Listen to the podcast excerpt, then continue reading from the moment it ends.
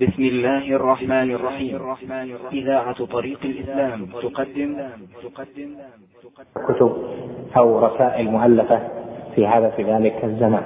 قال فإذا عرفت أن هذا الذي يسميه المشركون في زماننا الاعتقاد أو كبير الاعتقاد هو الشرك الذي أنزل فيه القرآن وقاتل رسول الله صلى الله عليه وسلم الناس عليه فاعلم أن شرك الأولين أخف من شرك أهل زماننا بأمرين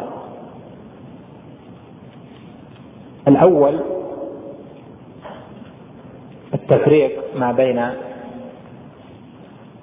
حال المشركين في هذا الزمان وفي زمان العرب الأول لأن أولئك لا يشركون إلا في السراء.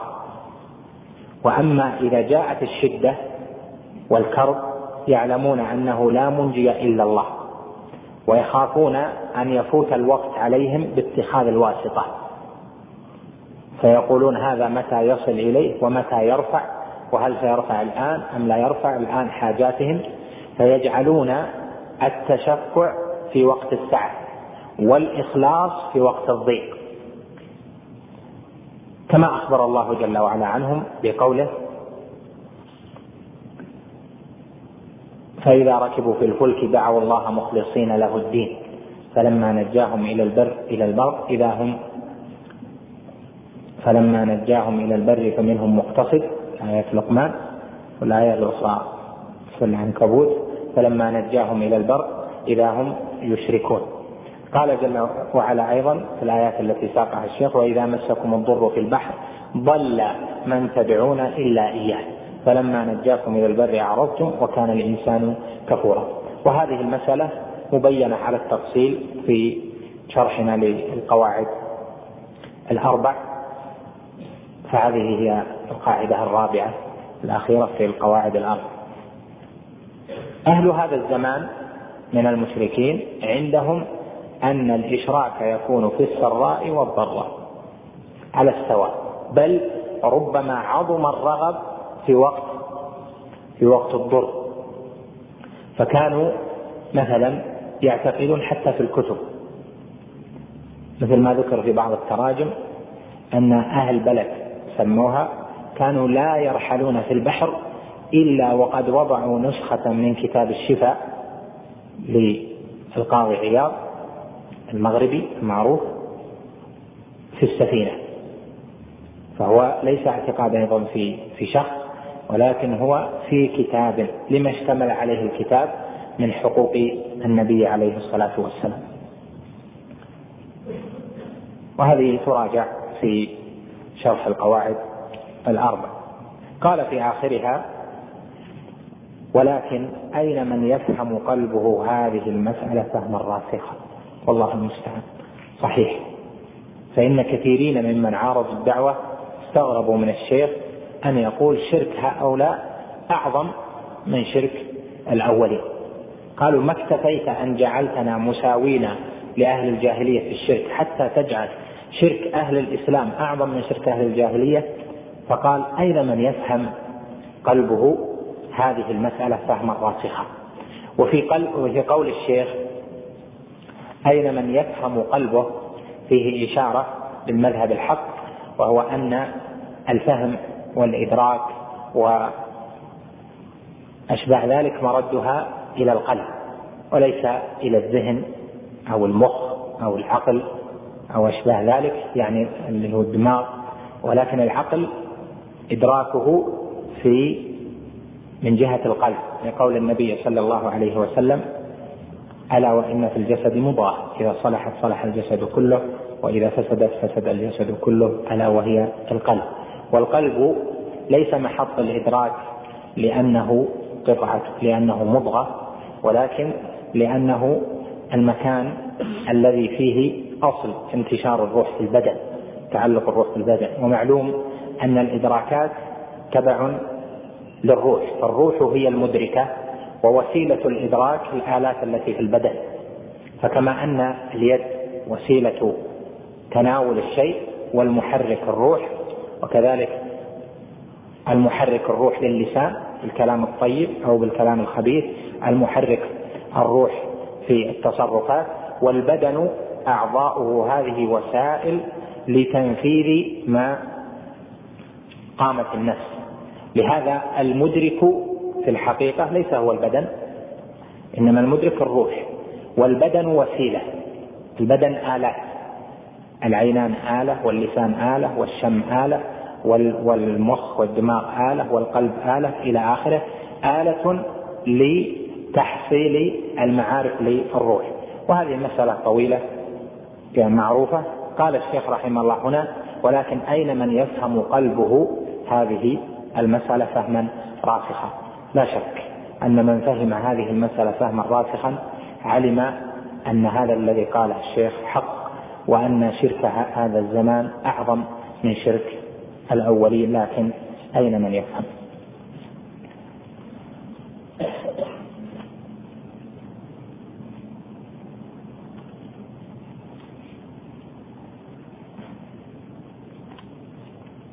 نعم. اقرأ قال المؤلف رحمه الله تعالى والأمر الثاني أن الأولين يدعون مع الله إناسا مقر... أن الأولين يدعون مع الله أناسا مقربين عند الله إما أنبياء وإما أولياء وإما ملائكة أو يدعون أشجارا وأحجارا مطيعة لله ليست عاصية. وأهل زماننا يدعون مع الله أناسا من أفسق الناس والذين يدعونهم هم الذين يحكون عنهم الفجور من الزنا والسرقة وترك الصلاة وغير ذلك. والذي يعتقد في الصالح والذي لا يعصي مثل الخشب والحجر أهون ممن يعتقد في من يشاهد فسقه وفساده ويشهد به. هذه المسألة لأهل التوحيد وليست للجواب على أهل الشبهات بل هذه ليفهمها أهل التوحيد فهما راسخا وهي أن الأولين يدعون مع الله أناسا مقربين عند الله. أو يدعون أشياء مطيعة لله جل وعلا. إما يدعون أنبياء مثل ما كان يدعى موسى ويدعى عيسى وتدعى أنبياء بني إسرائيل ويدعى إبراهيم عليه السلام أو أولياء من الصالحين كاللات وكغيره وإما الملائكة ويدعون أشجارا أو أحجارا مطيعة لله ليست بعاصية. يدعون أشياء مسبحة لله مطيعة لم تخرج عن توحيده وطاعته. وأما أهل الزمان هذا فيدعون مع الله أناسا من أفسق الناس.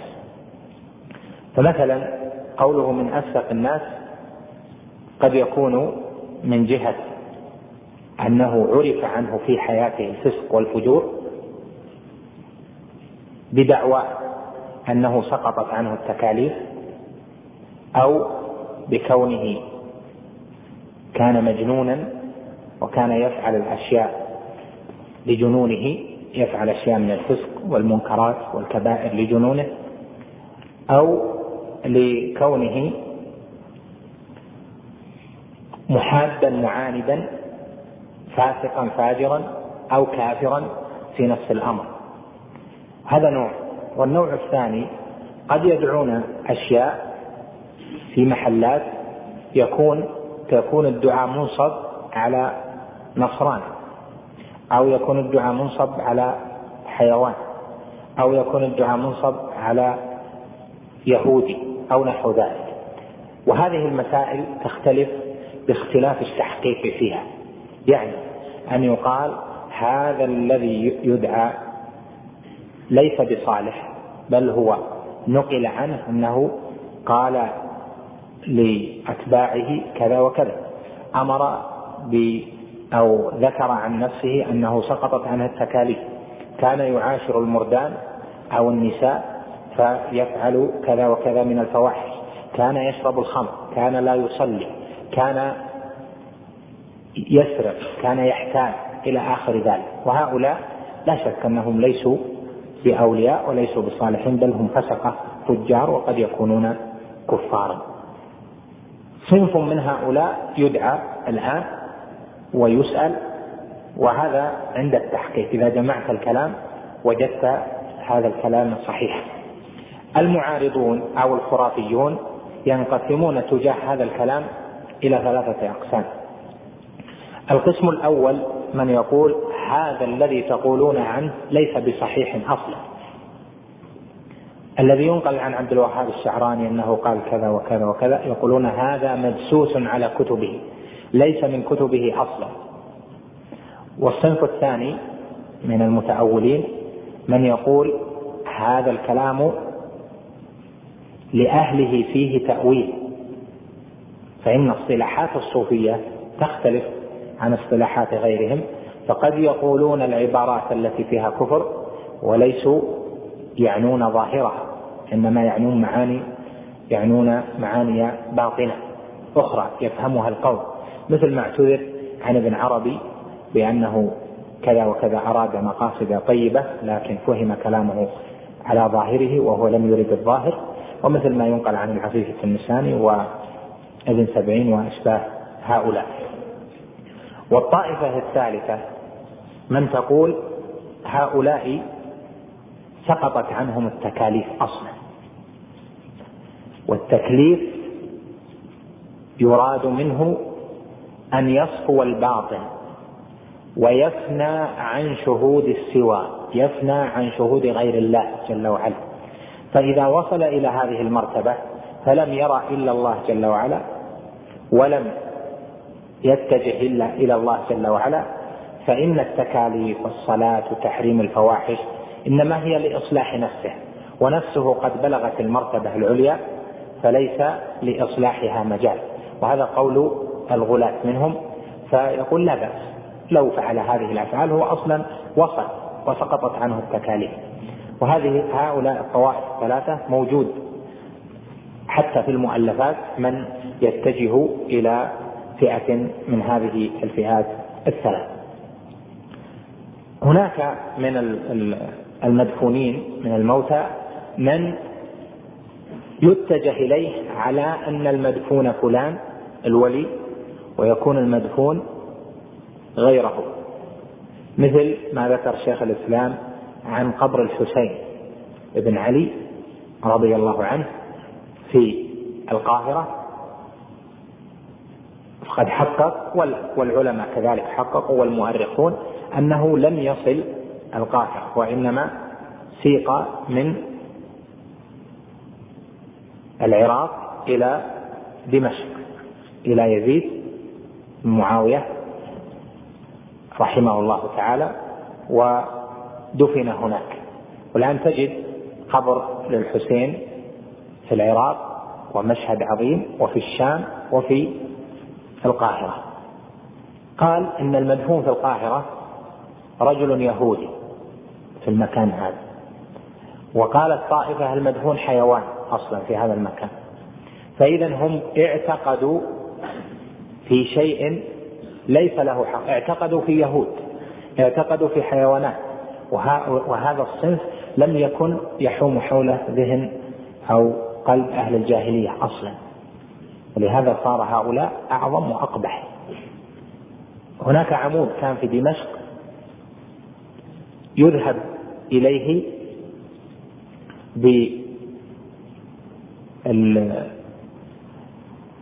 الحيوانات.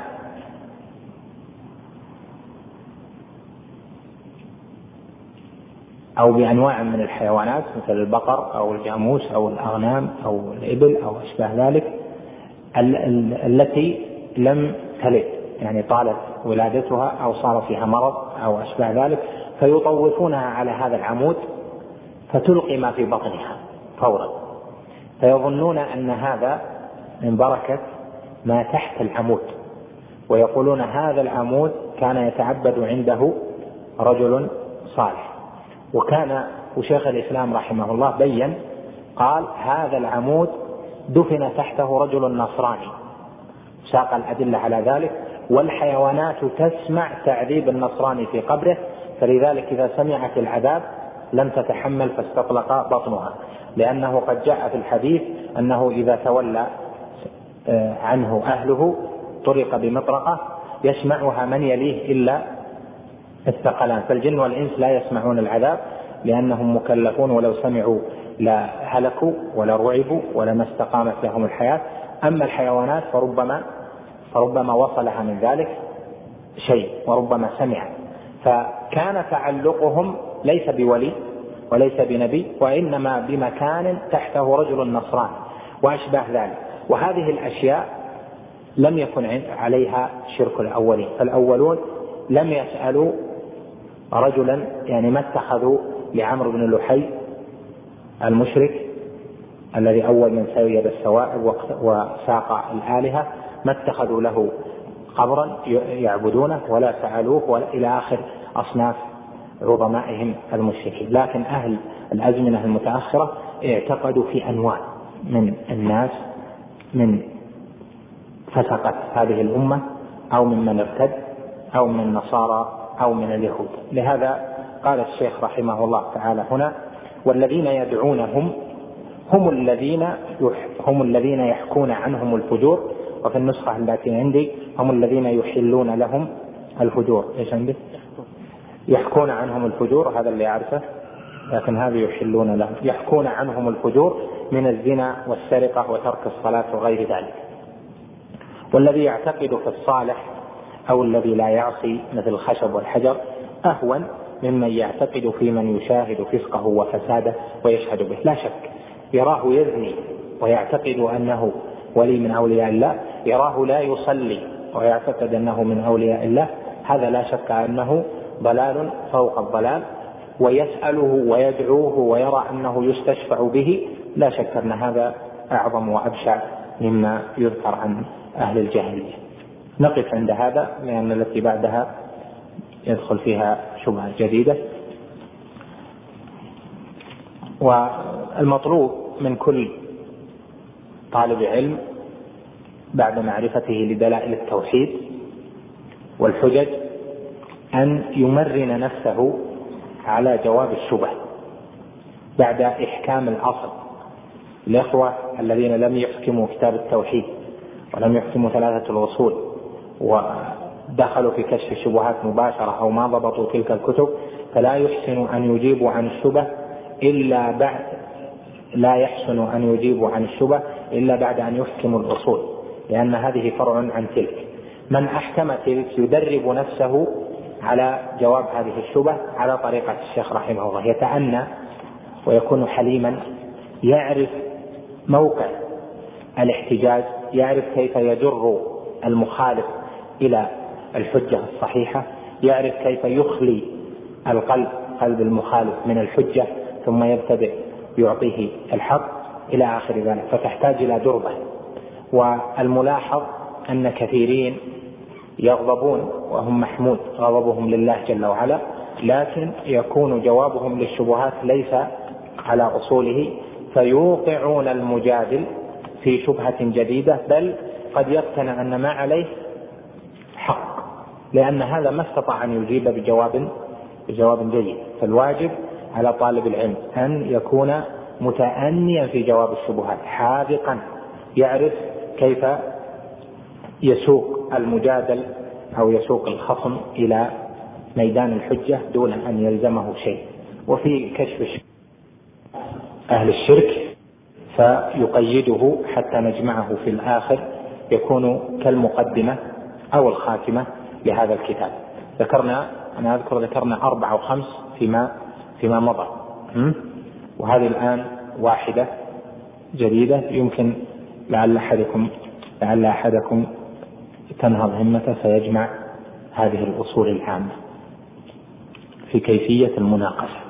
يعني كيف يجمع الموحد نفسيته ليواجه الخصوم. نكتفي بهذا القدر. في بعض الأسئلة.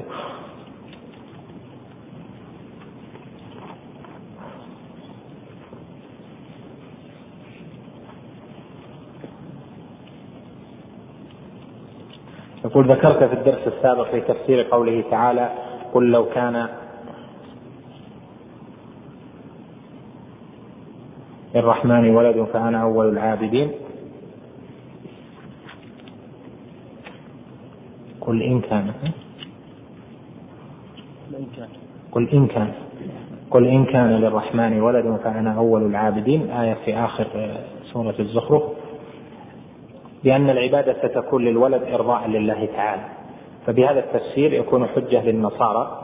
هذا ظاهر الآية. يحتجون أو لا يحتجون. هذه ظاهر الآية. قل إن كان للرحمن ولد فأنا أول العابدين. يعني لو كان للرحمن ولد فأنا سأعبده إرضاء له تعالى لأنه الذي أمرنا بعبادته. وهذا هو تفسير الجمهور. والتفسير الثاني للآية أن معنى العابدين الرافضين. يعني إن كان للرحمن ولد فأنا أول من يرفض هذه العبادة. وهذا التفسير ساقه ابن جرير وابن كثير عن طائفة من المفسرين لكن قالوا هذا الوجه ضعيف لأن هذه اللغة لا يحمل عليها الكلام. وإن كانت موجودة في لغة العرب لكن لا يحمل لمخالفتها لتفسير جمهور الصحابة فمن بعدهم. بالعكس قد يكون في هذا حجة على النصارى. إن كان للرحمن ولد فأنا أول العابدين هل له ولد؟ لا. القرآن كله فيه نفي أن يكون لله سبحانه وتعالى ولد. ما اتخذ الله من ولد وما كان معه من إله.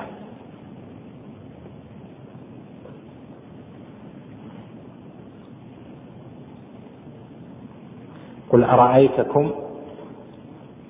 الآية في سورة الأنعام. قل أرأيتكم إن أتاكم؟ اللي في اللي في كشف الشبهات. هي ها؟ لا يا قل أرأيتكم إن أتاكم عذاب الله أو أتتكم الساعة؟ إن أتاكم شوف الآية هم في ثمن واحد في الأنعام. شوف خليه يراجعها إن شاء الله. رأيتكم؟ إيش؟ هذه أجل صححوها. قل أرأيتكم؟ صححوها. دي الآية اللي بعدها؟ أو اللي قبلها؟ إيش؟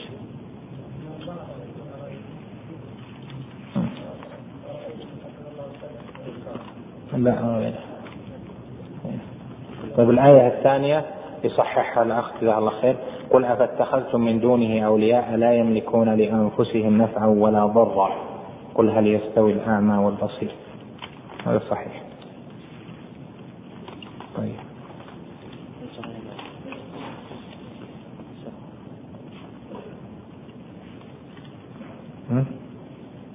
يقول ذكر في الأربعين النووية أن العقل في القلب وقد أشكلت علي. فما هي ولو باختصار العقل إدراك ليس جرما العقل إدراك عقل عقل الشيء أي أحاط به فأدركه هذا العقل من الذي يعقل؟ الذي يعقل إيش؟ البدن ولا الروح؟ ليعقل الروح البدن وسيلة وسيلة لتحصيل معارف الروح مثل ما ذكرنا. الروح منتشرة في البدن.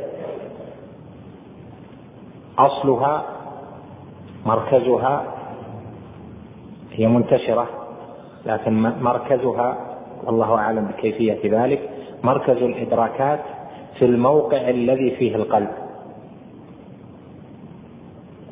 ولهذا قال ألا وإن في الجسد مضغة. إذا صلحت صلح الجسد كله. وإذا فسدت فسد الجسد كله. والأصوليون يبحثون هذا ويطيلون فيه هل العقل في الرأس أم في القلب؟ والصحيح أنه في القلب. يعني هذه ظواهر ظاهر الآيات هكذا.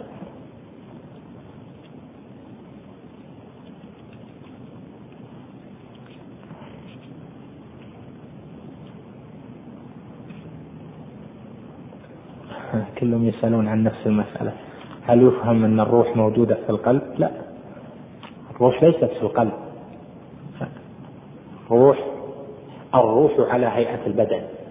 الروح منتشرة مثل البدن بمعنى لو فصلت الروح عن البدن لصارت نفس الصورة. لكنها صورة غير جثمانية. لأن الميت يرى في المنام. يرى الرائي النبي صلى الله عليه وسلم في المنام. فقال عليه الصلاة والسلام من رآني في المنام فقد رآني فإن الشيطان لا يتمثل بي. ومعلوم أن رؤية النبي صلى الله عليه وسلم في المنام على صورته التي كان عليها رؤية لروحه لأن بدنه مدفون. عليه الصلاة والسلام. رؤية النبي صلى الله عليه وسلم للأنبياء في السماء. رأى موسى ورأى آدم ورأى رأى إيش؟ رأى أرواحهم. لهذا صورة الإنسان الجثمانية في البدن وغير الجثمانية في الروح. فالروح منتشرة. لها أيضا موقع موقع أصل مثل ما يكون القلب هو الأصل بالنسبة للبدن يعني من حيث ضخ الدم وحركة البدن. كذلك من جهة الإدراكات ومن جهة تعلقات الأشياء بالروح فموقعها في هذا الأصل. هذا ظاهر ما دلت عليه النصوص ويجمع على هذا النحو. وليس هذا من الخوف في الروح المنهي عنه في قوله تعالى ويسألونك عن الروح قل الروح من أمر ربي وما أوتيتم من العلم إلا قليلا. لأن البحث في الروح الذي يكون نتيجة للتفقه في الكتاب والسنة هذا مطلوب ولكن إذا كان عن ظن وعقل وتجارب وأشباه ذلك بلا برهان شرعي فهذا هو المذموم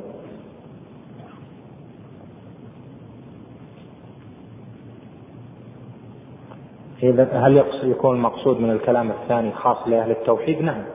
أنا ذكرت أن الثاني أن منهم من الذين يعبدون ويدعون أولياء أن منهم من لا يصلي ومنهم من يأمر بالفسق ويحكى عنه الزنا وشرب الخمر إلى آخره. هذه لإيقان الموحد لكن ما تدخل معك في النقاش.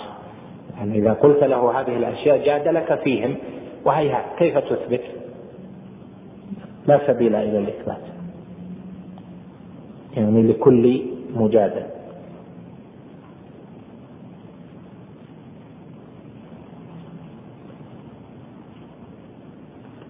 يقول لو قام دعاة إلى التوحيد فقالوا لعباد القبور نعم نوافقكم أن هؤلاء أولياء فإنه يكون هناك تناقض بين الدعاة الذين قالوا أنهم ليسوا بأولياء فيشك المدعوون في هذه الدعوة. الداعي لا بد أن يكون حكيما. قد يكون المناسب أن يسكت. يقول ليس الكلام فيه. إذا كانوا أولياء فمقامهم عند الله يعني يعلقها يعلقها بالشرط إذا كان يرى مصلحة. وإذا كان هذا المدفون وليا من أولياء الله يقر بولايته قال الحسين بن علي نعم. آل البيت الذين آه، لم يعرف عنهم شيء من الفسق وإلى آخره فيقول نعم هم أولياء. لا مانع من هذا. ولو صار فيه تعارض بينه وبين غيره الحق حتى يتبع.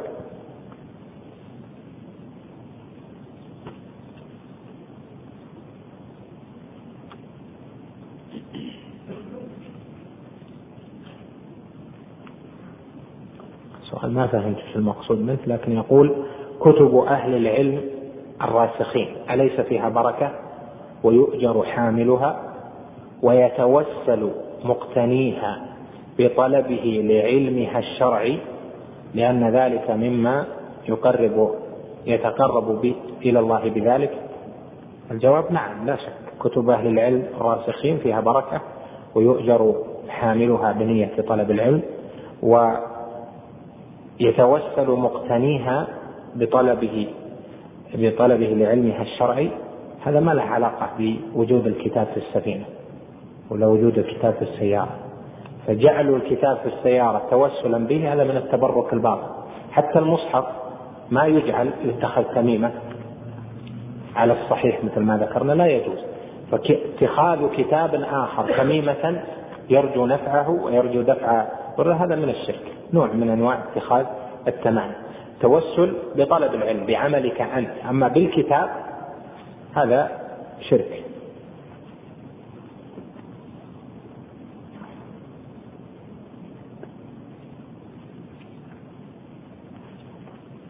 أستشيرك في حضور هذا الدرس وهو أني لم أسمع شرح كتاب التوحيد والقواعد الأربعة فهل أستمر؟ الذي ينبغي الا تستمر. آه، فتنظر تحضر درس آخر أو دروس أخرى يكون فيها بداية لطالب العلم بداية صحيحة. وذكر في كتاب نزل الأبرار أن الحامل إذا اشتد عليه الحمل يوضع على بطنها موطأ الإمام مالك فيخف بإذن الله وهو مجرد يمكن الشافعية يقولون تحط مسند أحمد مسند الشافعي هذول المالكية قالوا حط موطأ مالك والشافعي يقول حط مسند الشافعي. هذا يقال مجرب ولا أثر لذلك. قد يتفق أنه حصل مرة حصل مرتين بإذن الله فوافق هذا لكن لا يجوز الاعتقاد في الكتب بهذا الاعتقاد أن فيها بركة وتتخذ تمائم.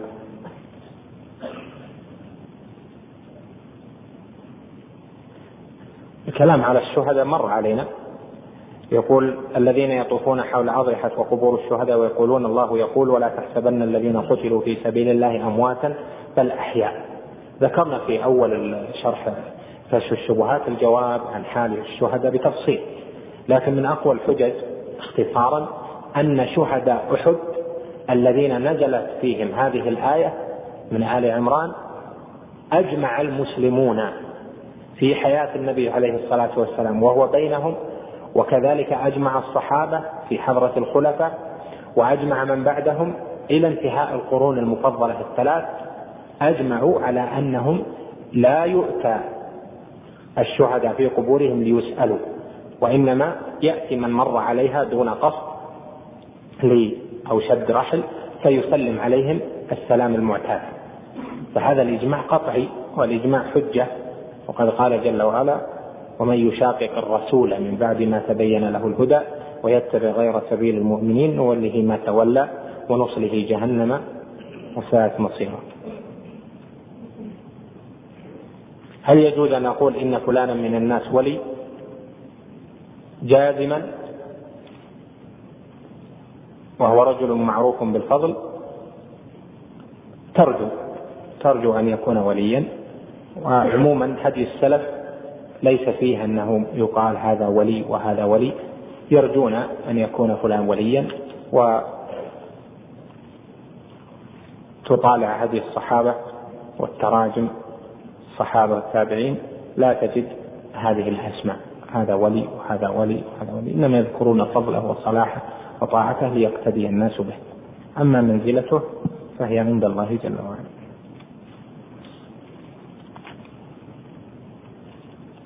يقول بعض الناس يشتبه فيقول إن تقسيم التوحيد المعروف لدينا لم يكن على عصر الرسول صلى الله عليه وسلم بل كان الرسول يأمر من أراد الإسلام بالشهادتين ولا يقسم التوحيد بالمعروف عند الناس.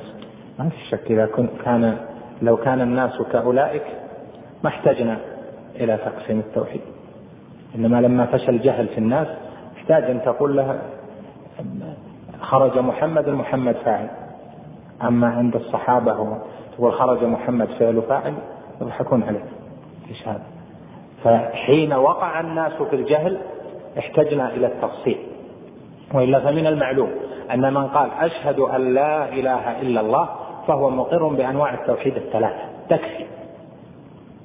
لأنها متضمنة لتوحيد الربوبية ومطابقة في توحيد الإلهية ومستلزمة لتوحيد الأسماء والصفات أو تقول أيضا متضمنة لتوحيد الأسماء والصفات. هذا ظاهر من كلمة لا إله إلا الله.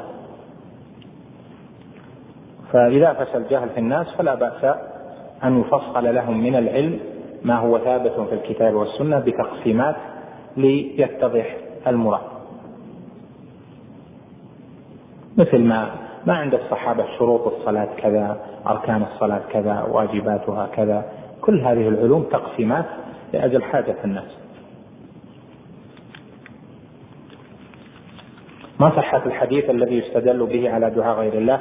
إذا كنت بأرض ثلاث فقل يا عباد الله احبسوا هذا الحديث روي ومن أهل العلم من حسنه وعلى القول بتحسينه فلا حرج يعني لا إشكال فيه لأن قول الذي ضل الطريق يا عباد الله احبسوا يقصد به الملك الذي معه. لا يقصد به الجن أو يقصد به مخاطبة من لا يقدر أو ما أشبه ذلك وهذا على القول بصحته وقد استعمله بعض العلماء فدلوا على الطريق. فليس في الحديث منادات الغائبين الذي يحتج به أهل الشرك وإنما هو قول يا عباد الله احبسوا تتمة الحديث فإن لله جل وعلا عبدا حاضرا سيحبسه.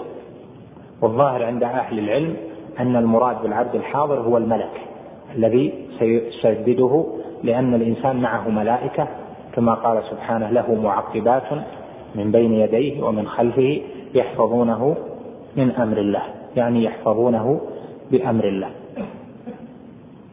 هذا السؤال سبق جوابه.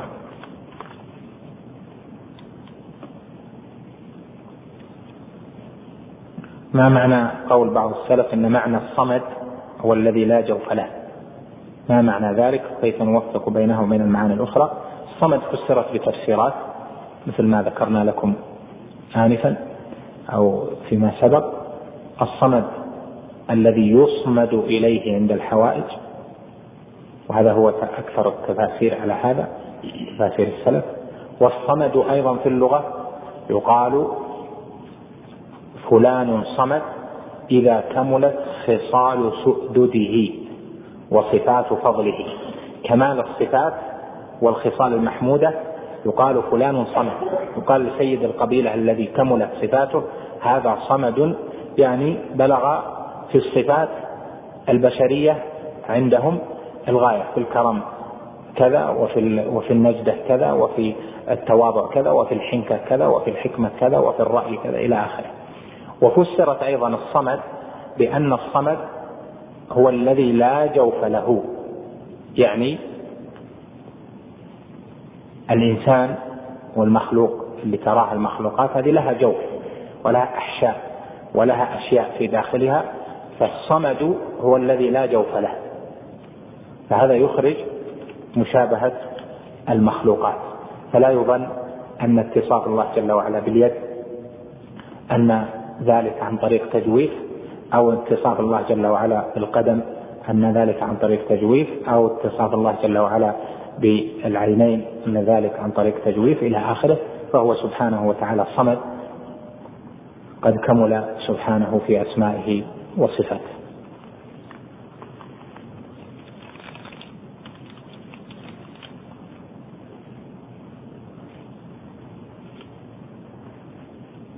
بعض الأسئلة طويلة يعني حبذا السؤال يكون سطر سطرين عشان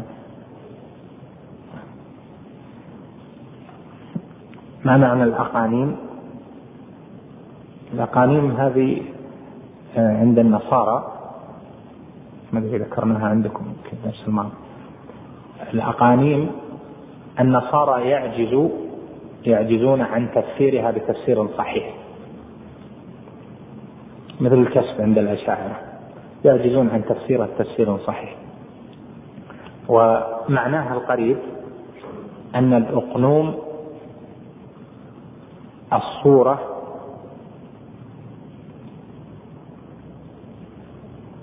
أو إحدى الصور للأصل.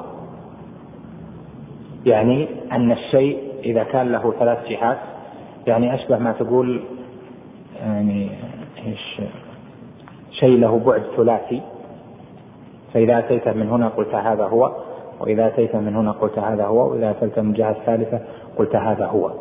فعندهم أن الله جل وعلا ثلاثة أقانيم إله واحد آب يعني أب وابن وروح القدس. هذا عند الكاثوليكيين. أب وابن وروح القدس. يشكلون جميعا ثلاث صور لشيء واحد وهو الله. هذا يقولون بعدها إله واحد. آمين. وهذا كفرهم الله جل وعلا بهذا المقالة وقد كفر الذين قالوا إن الله ثالث ثلاثة. ونعلم أن قول ثالث ثلاثة من حيث اللغة يعني أنه منها وليس خارجا عنها. ففي اللغة أن الشيء إذا كان من جنس عدده أدخل فيه وإذا لم يكن من جنس عدده أخرج منه. تقول مثلا كنت ثالث ثلاثة كنت رابع أربعة كنت خامس خمسة إذا كانوا إذا كانوا من الإنسان.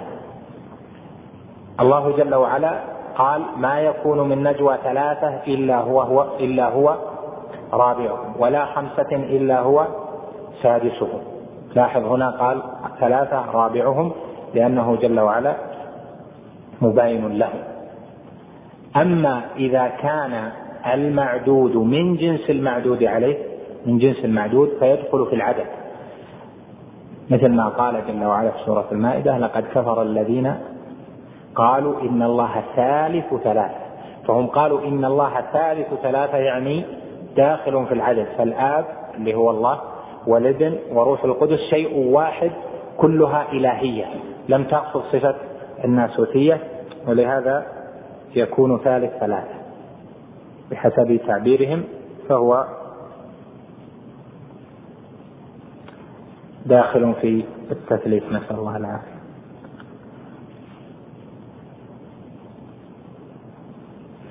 بعض الأشياء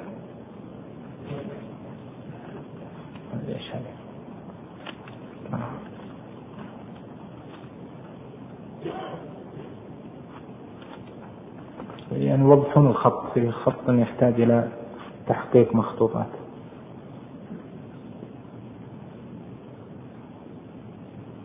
ما حكم الأبيات التي في نهج البردة؟ وهل يجوز للموحدين حفظها؟ لا. ما يجوز لأحد يحفظ الأبيات الشركية إلا لأهل العلم الذين يحتاجون إذا حفظوها أن يردوا على الخصوم. نعم. أما لسائر الناس أو لعامة طلبة العلم لا. لأن هذا شرك والشرك لا يحث عليه ولا يخاطر المرء بتوحيده فيه. فالأصل السلامة إلا عند الحاجة فيؤخذ الشيء بقدره. نكتفي بهذا. صلى الله وسلم وبارك على نبينا محمد. لا.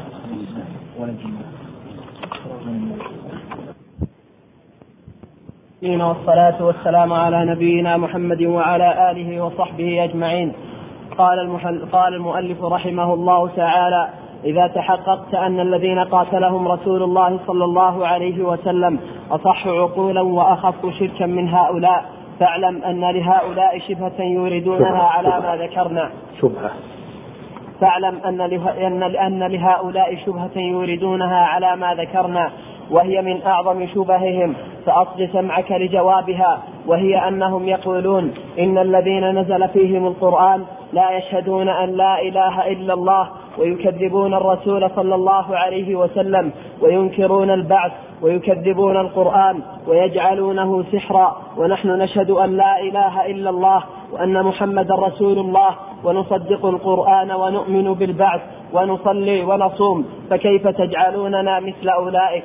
فالجواب أنه لا خلاف بين العلماء كلهم أن الرجل إذا صدق رسول الله صلى الله عليه وسلم في شيء وكذبه في شيء أنه كافر لم يدخل في الإسلام.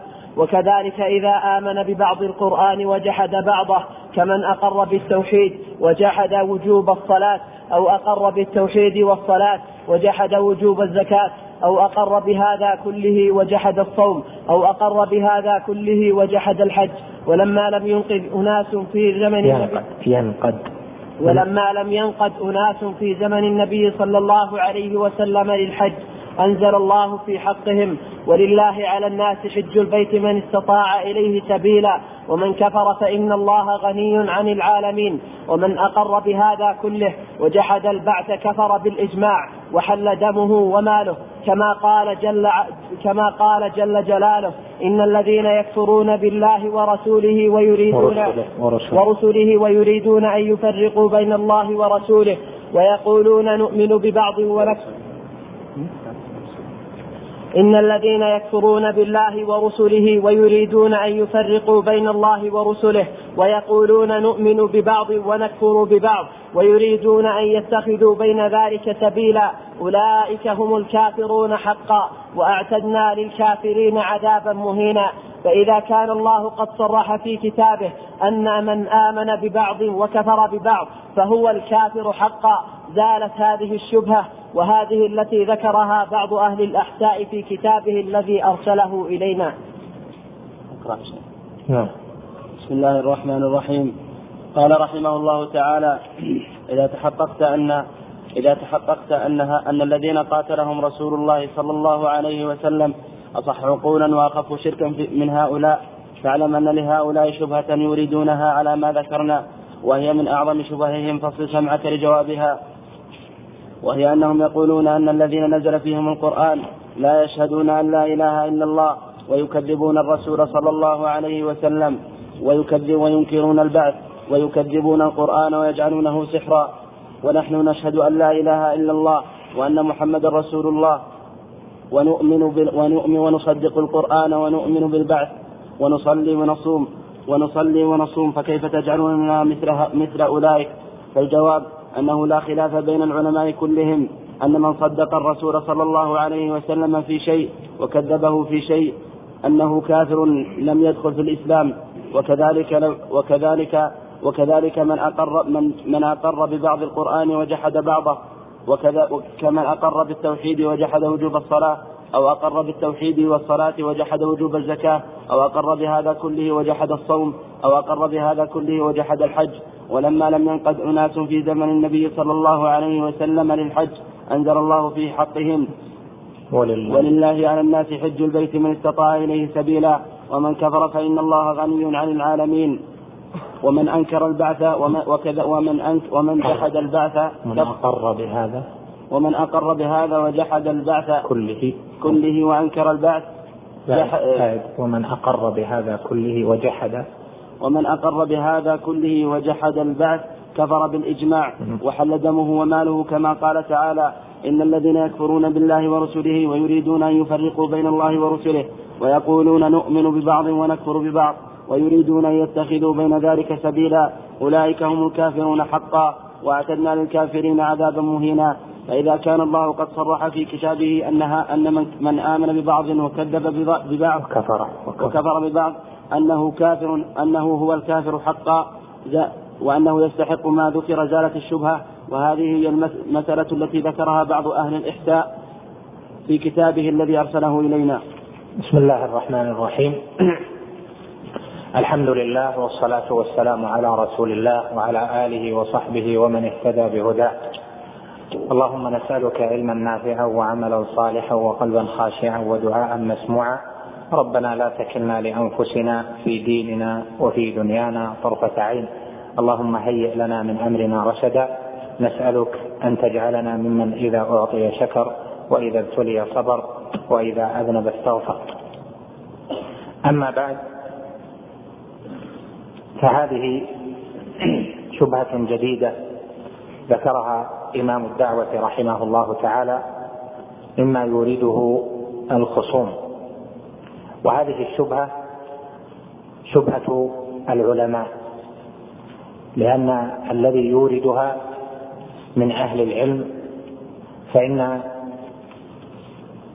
الشبهة التي ذكرنا فيما سبق وإن جوابها الذي ذكره الشيخ أقر بحسنه جمع كثير من أهل العلم مثل الأمصار كما قال إمام الدعوة رحمه الله تعالى وقد عرضت ما عندي على علماء الأمصار فوافقوني في التوحيد وخالفوني في التكفير والقتال. يعني وافقوه في معنى العبادة وفي معنى التوحيد وفي معنى الشرك بالله جل وعلا لكن خالفوا في أن ما يفعل في أن عباد القبور وعباد الأضرحة والأوثان والأشجار والأحجار إلى آخره خالفوا في أن هؤلاء مشركون تقام عليهم الحجة فإن استجابوا وإلا قوتلوا خالفوا لشبهة وهي أن هؤلاء ليسوا كالأولين لأن الأولين الذين بعث إليهم رسول الله صلى الله عليه وسلم وبعثت إليهم الأنبياء هؤلاء يقرون بأنهم اتخذوا آلهة مع الله جل وعلا ولم ينقادوا للرسل بل قالوا إن هناك آلهة مع الله كما قال سبحانه مخبرا عن قولهم إنهم كانوا إذا قيل لهم لا إله إلا الله يستكبرون ويقولون أئنا لتاركوا آلهتنا لشاعر مجنون. وكقول الله جل وعلا أجعل الآلهة إلها واحدا إن هذا لشيء عجاب. وانطلق الملأ منهم أن امشوا واصبروا على آلهتكم إن هذا لشيء يراد. وكقوله جل وعلا في سورة هود إن نقول إلا اعتراك بعض آلهتنا بسوء.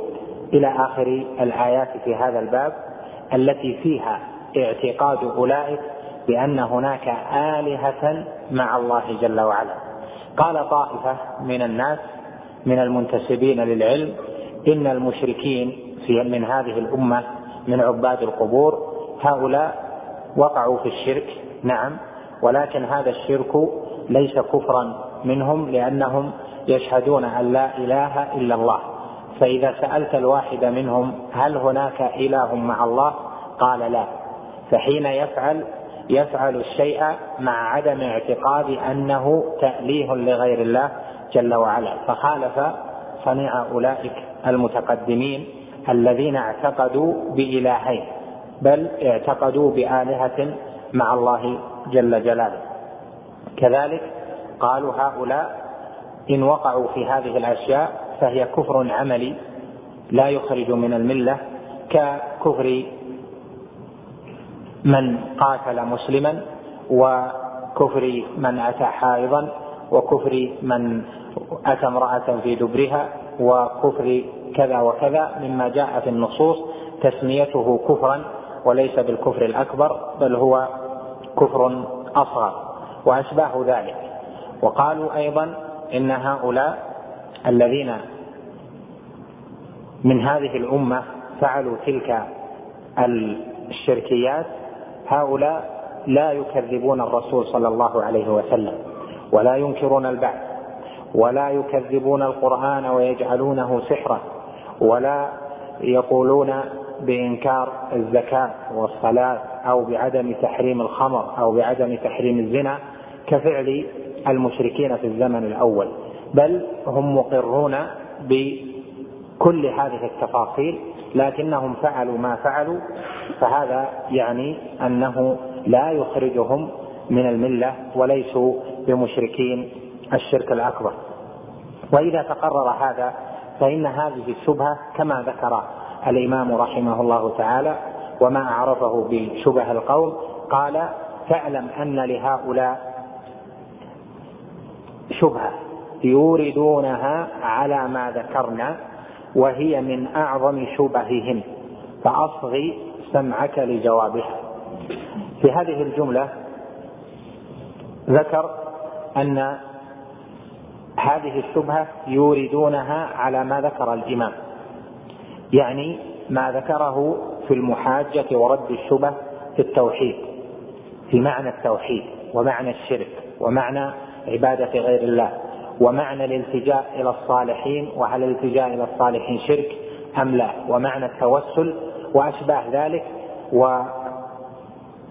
وتفاصيله مما ذكر من أول الرسالة إلى هذا الموضع. فإذا تبين ذلك قال لهؤلاء شبهة يوردونها على ما ذكرنا يعني من كل جواب الشبه السالفه فإن محصلة الشبه السالفة أن يقال أنت محق في هذا الجواب وأن هذا الذي يفعل شرك وأن الالتجاء إلى الصالحين شرك وأن طلب الشفاعة من الأموات شرك إلى آخر ذلك وأن صرف أي نوع من أنواع العبادة لغير الله شرك فأنت محق وهؤلاء الذين أدلوا بالشبه في استحسان هذه الأفعال مبطلون وما ذكرته صواب في أن هذه الأشياء شرك. لكن هذه الأشياء شرك ولكنها لا تخرج من الملة من صنعها من فعلها وهذا هو جواب هذه الشبهة فيما يأتي من كلام الإمام رحمه الله تعالى. قال الشيخ رحمه الله وهي من أعظم شبههم. لما صارت من أعظم الشبه لأنها كما ذكرت شبهة العلماء التي يذكرونها ويروجون على العامة هذا الأمر. فكثيرون من الذين ردوا على الشيخ نقلوا كلام شيخ الإسلام ابن تيمية وكلام ابن القيم وقالوا أنت مشق فيما تقول لكن كون هؤلاء يكفرون الكفر الأكبر هذا ليس بصحيح بل هؤلاء على كفر أصغر هؤلاء على شرك أصغر وليسوا بمشركين الشرك الأكبر. هذا تقرير الشبهة على حسب ما يريدونها وهذه الشبهة أجاب عنها الإمام رحمه الله تعالى هنا إجابة مختصرة. وفي ردود أئمة الدعوة ابتداء من الشيخ الإمام محمد بن عبد الوهاب رحمه الله في كتابه إفادة المستفيد في كفر تارك التوحيد وكتب تلامذته وأبنائه وتلاميذهم إلى هذا الزمن ما يبين رد هذه الشبهة فإن هذه الشبهة من أعظم الشبه فتفصيل رد هذه الشبهة في ردود أئمة الدعوة المختلفة. من وقت الشيخ محمد رحمه الله إلى زماننا هذا فيها تفصيل الرد على هذه الشبهة.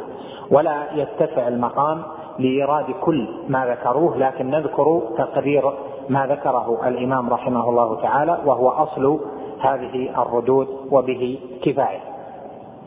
قال وهي أنهم يقولون إن الذين نزل فيهم القرآن يعني من المشركين لا يشهدون أن لا إله إلا الله ويكذبون الرسول صلى الله عليه وسلم وينكرون البعث ويكذبون القرآن ويجعلونه سحرا. ونحن يعني نفارق أولئك ونحن نشهد أن لا إله إلا الله وأن محمدا رسول الله ونصدق القرآن ونؤمن بالبعث ونصلي ونصوم. فكيف تجعلوننا مثل أولئك؟ وهذه لا شك أنه إذا أتي إليها من جهة عاطفية فإنها تروج لأن الناظر نظرا عاطفيا مجردا عن الحجة والبرهان قد يروج عليه ذلك. فيقول هؤلاء يصلون ويصومون وقد يكون بعضهم في جبهته أثر السجود. وبعضهم يصوم يوما ويفطر يوما وبعضهم تصدق بكل ماله وبعضهم مجاهد في سبيل الله وحارب الكفار وفعل ما فعل من أنواع الجهاد وبعضهم كذا وكذا فيذكر جملة الأعمال الصالحة التي عملها. فيقول كيف تجعله مثل أبي جهل؟ كيف تجعله مثل أبي لهب؟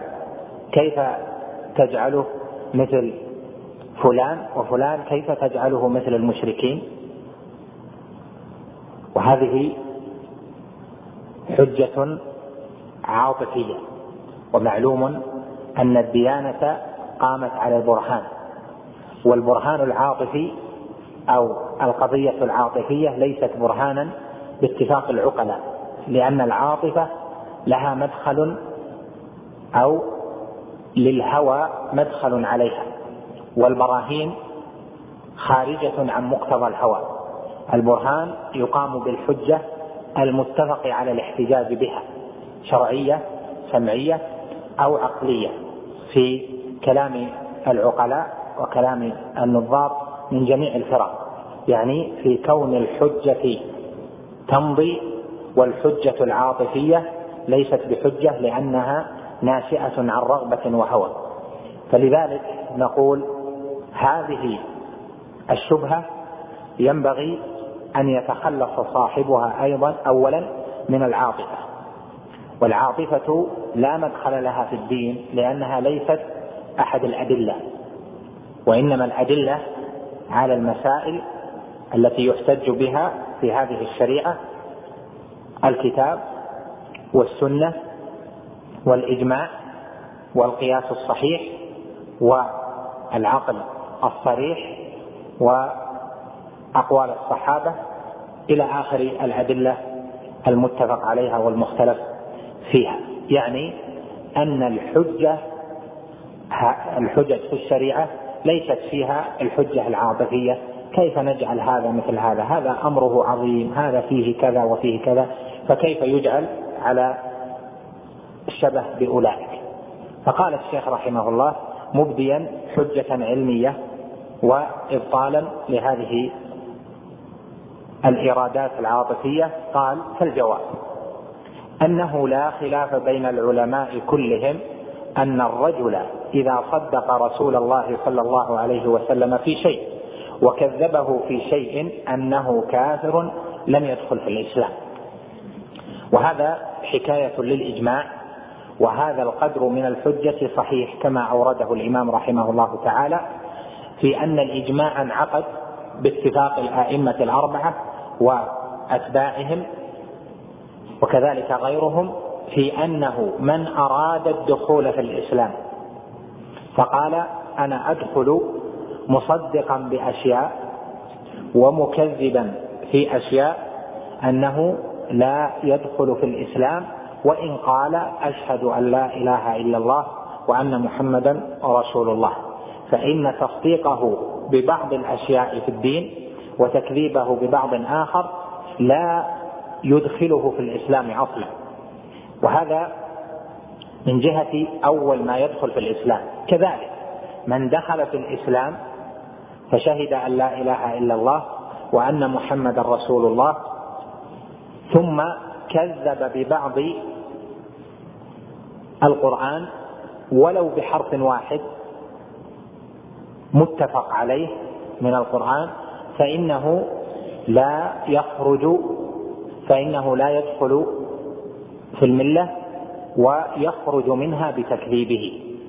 لأن العلماء نصوا على أن من أنواع الردة أن يكون مكذبا أو شاكا أو جاحدا.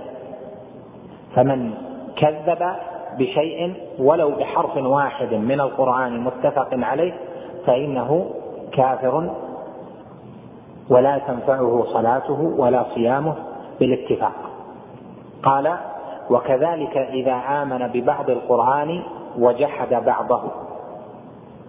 آمن ببعض القرآن يعني من حيث الألفاظ وجحد بعضه يعني من المتفق عليه ولا ولم يؤمن به بل قال هذا ليس من القرآن والأمة متفقة على أن هذا الذي جحده من القرآن يعني لفظا فإنه يكون كافرا بالاتفاق بالإجماع. وكذلك من جح آمن ببعض أحكام القرآن المتفق عليها وجحد بعض أحكام القرآن المتفق على معناها يعني التي دلالتها قطعية فإنه يكون أيضا كافرا خارجا من الدين باتفاق العلماء وبالإجماع. حتى من أورد هذه الشبهة فإنه لا ينكر هذا الإجماع. مثل لهذا بقوله كمن أقر بالتوحيد وجحد وجوب الصلاة. من أقر بالتوحيد موحد مؤمن بأنه لا إله إلا الله وبأن محمدا رسول الله وكثير الزكاة والصدقات ويصوم فرضا ونفلا ويحج بيت الله جل وعلا كل سنة لكن قال هذه الصلاة ليست بواجبة إما مطلقا أو ليست بواجبة عليه.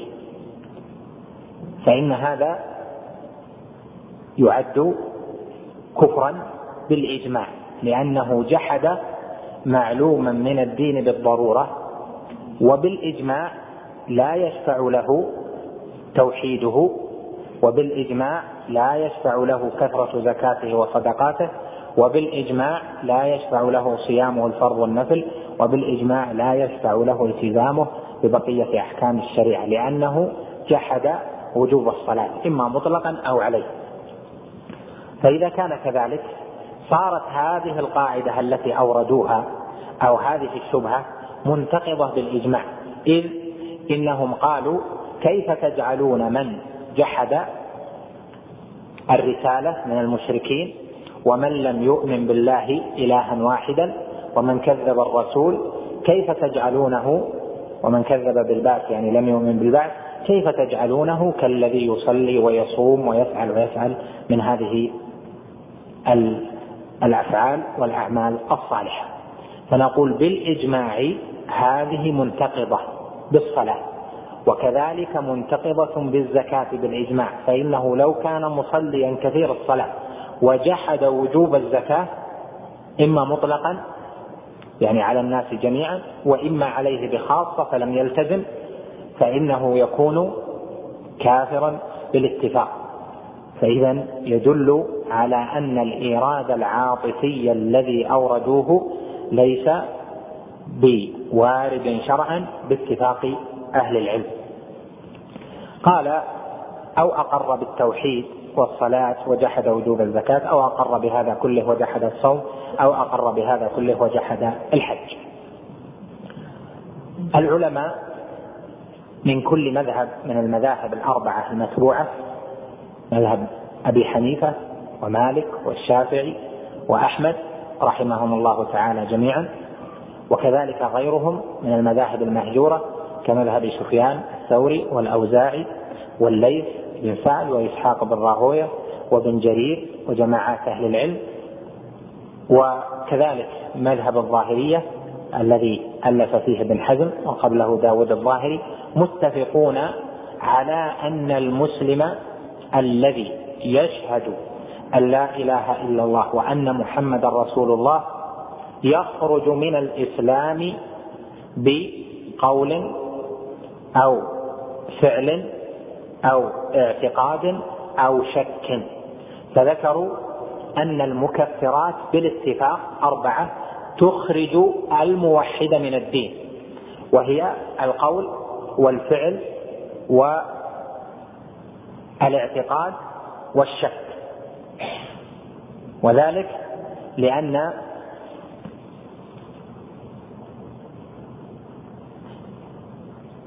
لأنهم اتفقوا على أن من قال قولا يناقض الشهادة أو يناقض أصل توحيده فإنه أو يناقض أمرا معلوما من الدين بالضرورة فإنه يخرج من الدين. وكذلك إذا عمل عملا أو اعتقد اعتقادا يعني مكفرا يعني شركا اعتقد في الله لأنه جسم كالأجسام أو اعتقد في الله صفة قبيحة أو شك في أمر من الأمور فإنه يكفر ولو كان يشهد أن لا إله إلا الله وأن محمدا رسول الله. إذا الأئمة متفقون على أن المسلم الذي يعمل بأركان الإسلام ويعمل بفروعه قد يكفر بعمل أو قول أو اعتقاد أو شك. فإذا هذه الشبهة التي أوردوها مخالفة أيضا لإجماع العلماء الذين ألفوا في هذا الباب. وفي كل مذهب تجد بابا خاصا بهذا وهو باب حكم المرتد وهو الذي يكفر بعد إسلامه.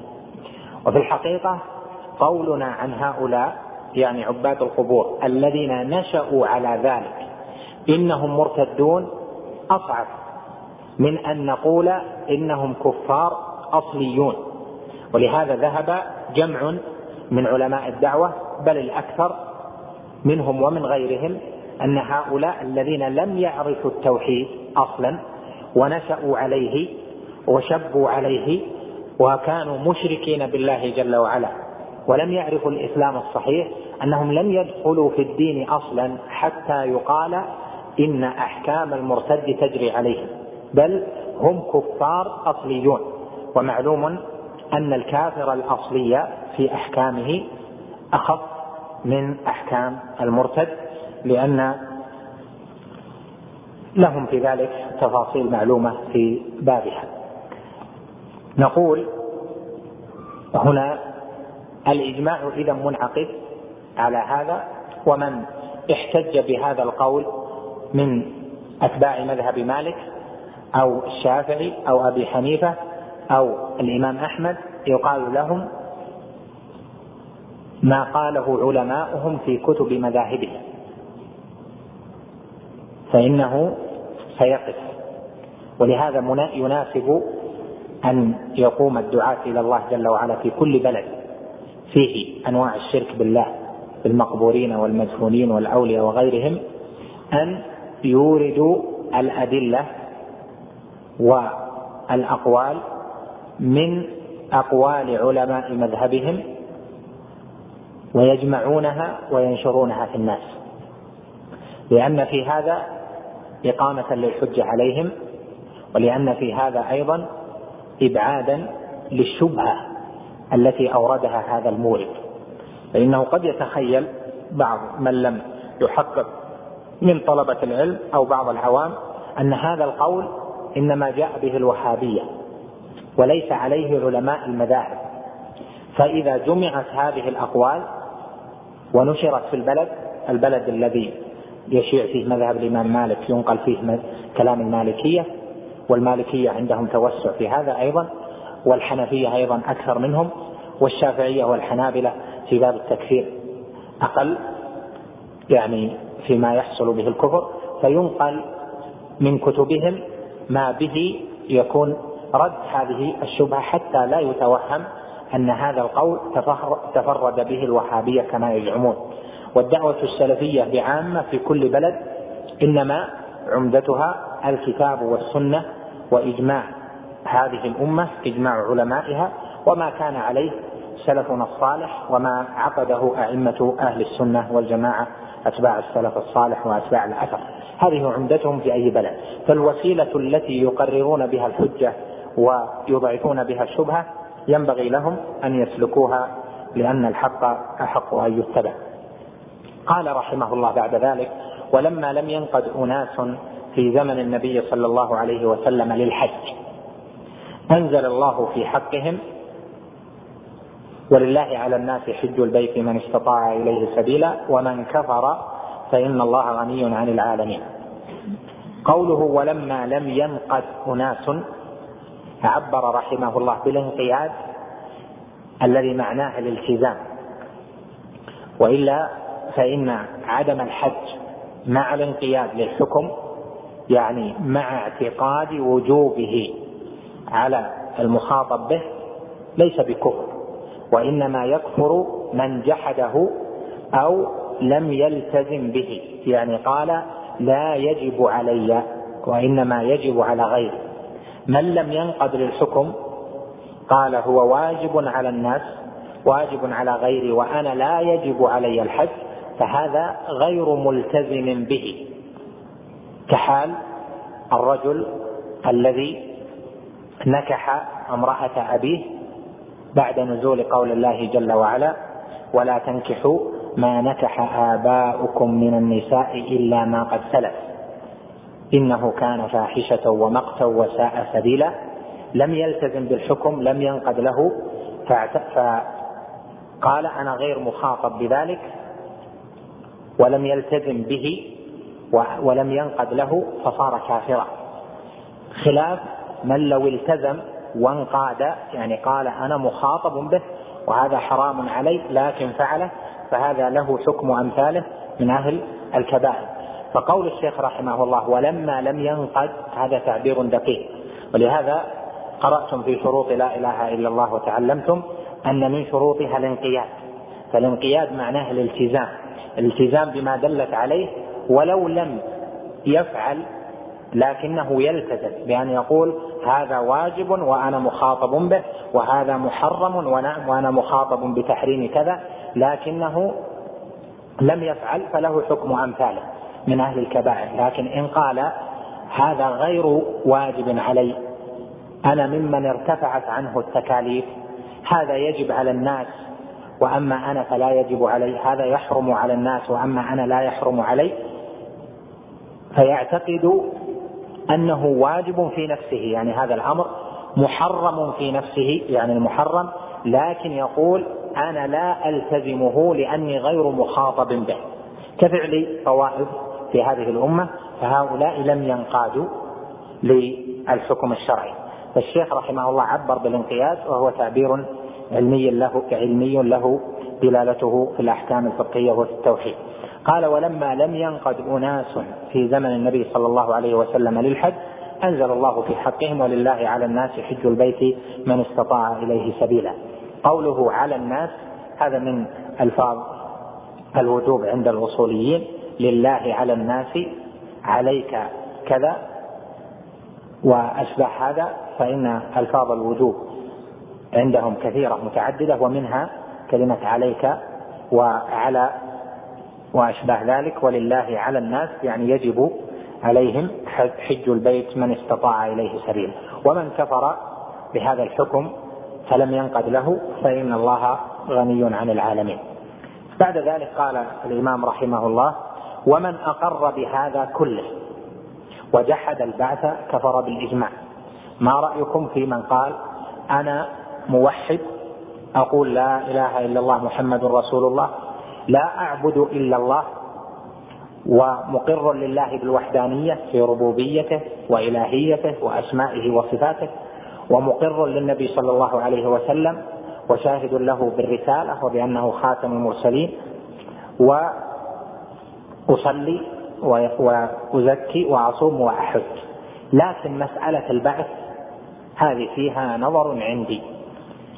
والأقرب أن لا بعث. بعد الموت.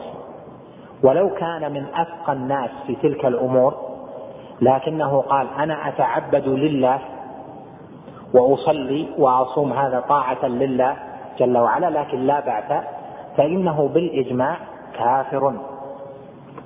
ويحل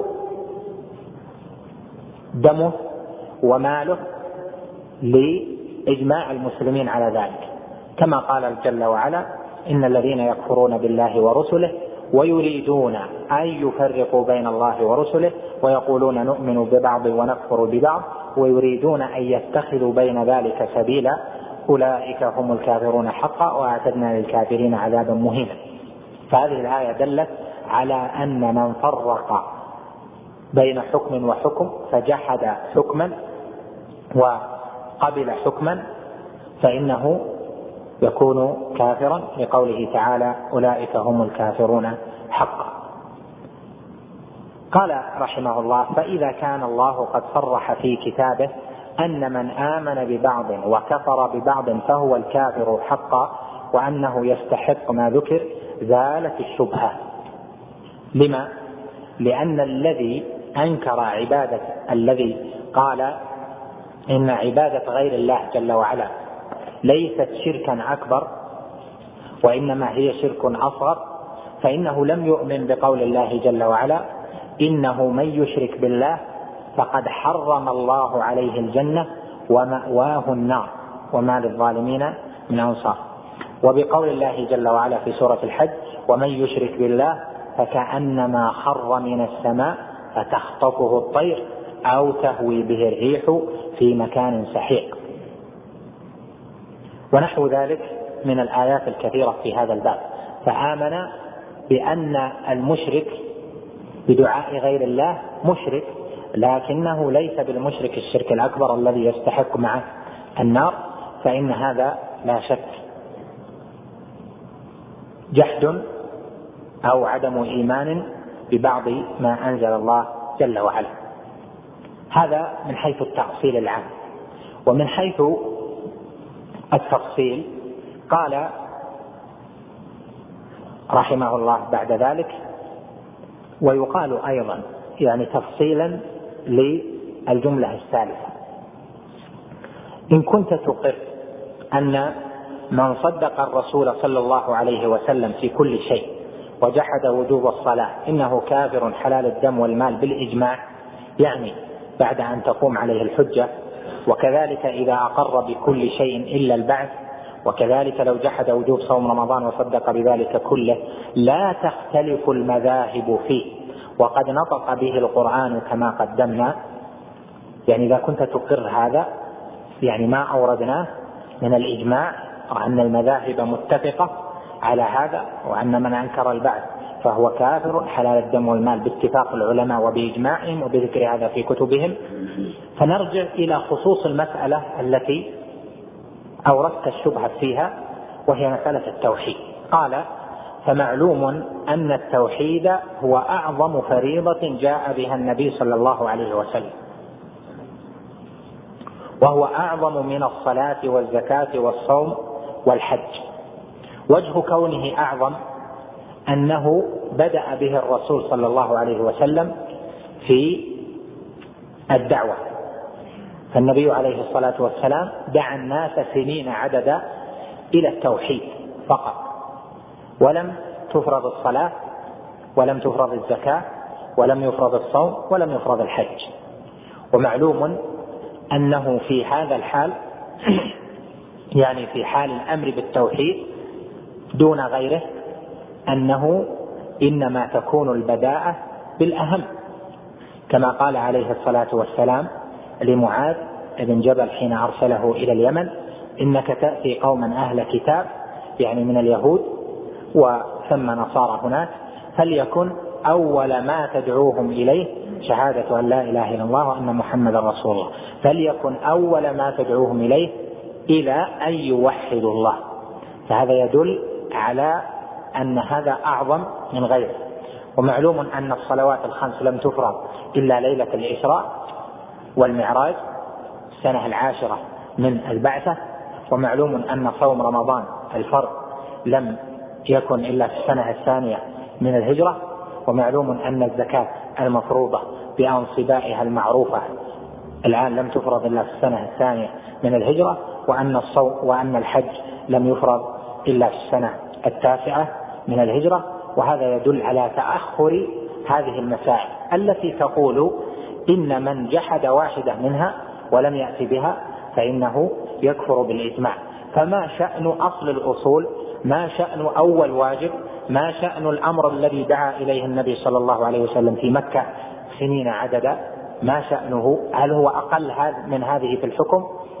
فالجواب أن التوحيد هو أعظم فريضة بالاتفاق. ولهذا يذكر العلماء في المكفرات في باب حكم المرتد أول ما يذكرون في المكفر ما يتصل بالتوحيد.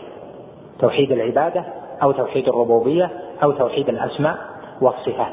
فإنهم يذكرون هذا قبل غيره لأنه أعظم فريضة جاء بها النبي صلى الله عليه وسلم وجاءت بها الأنبياء.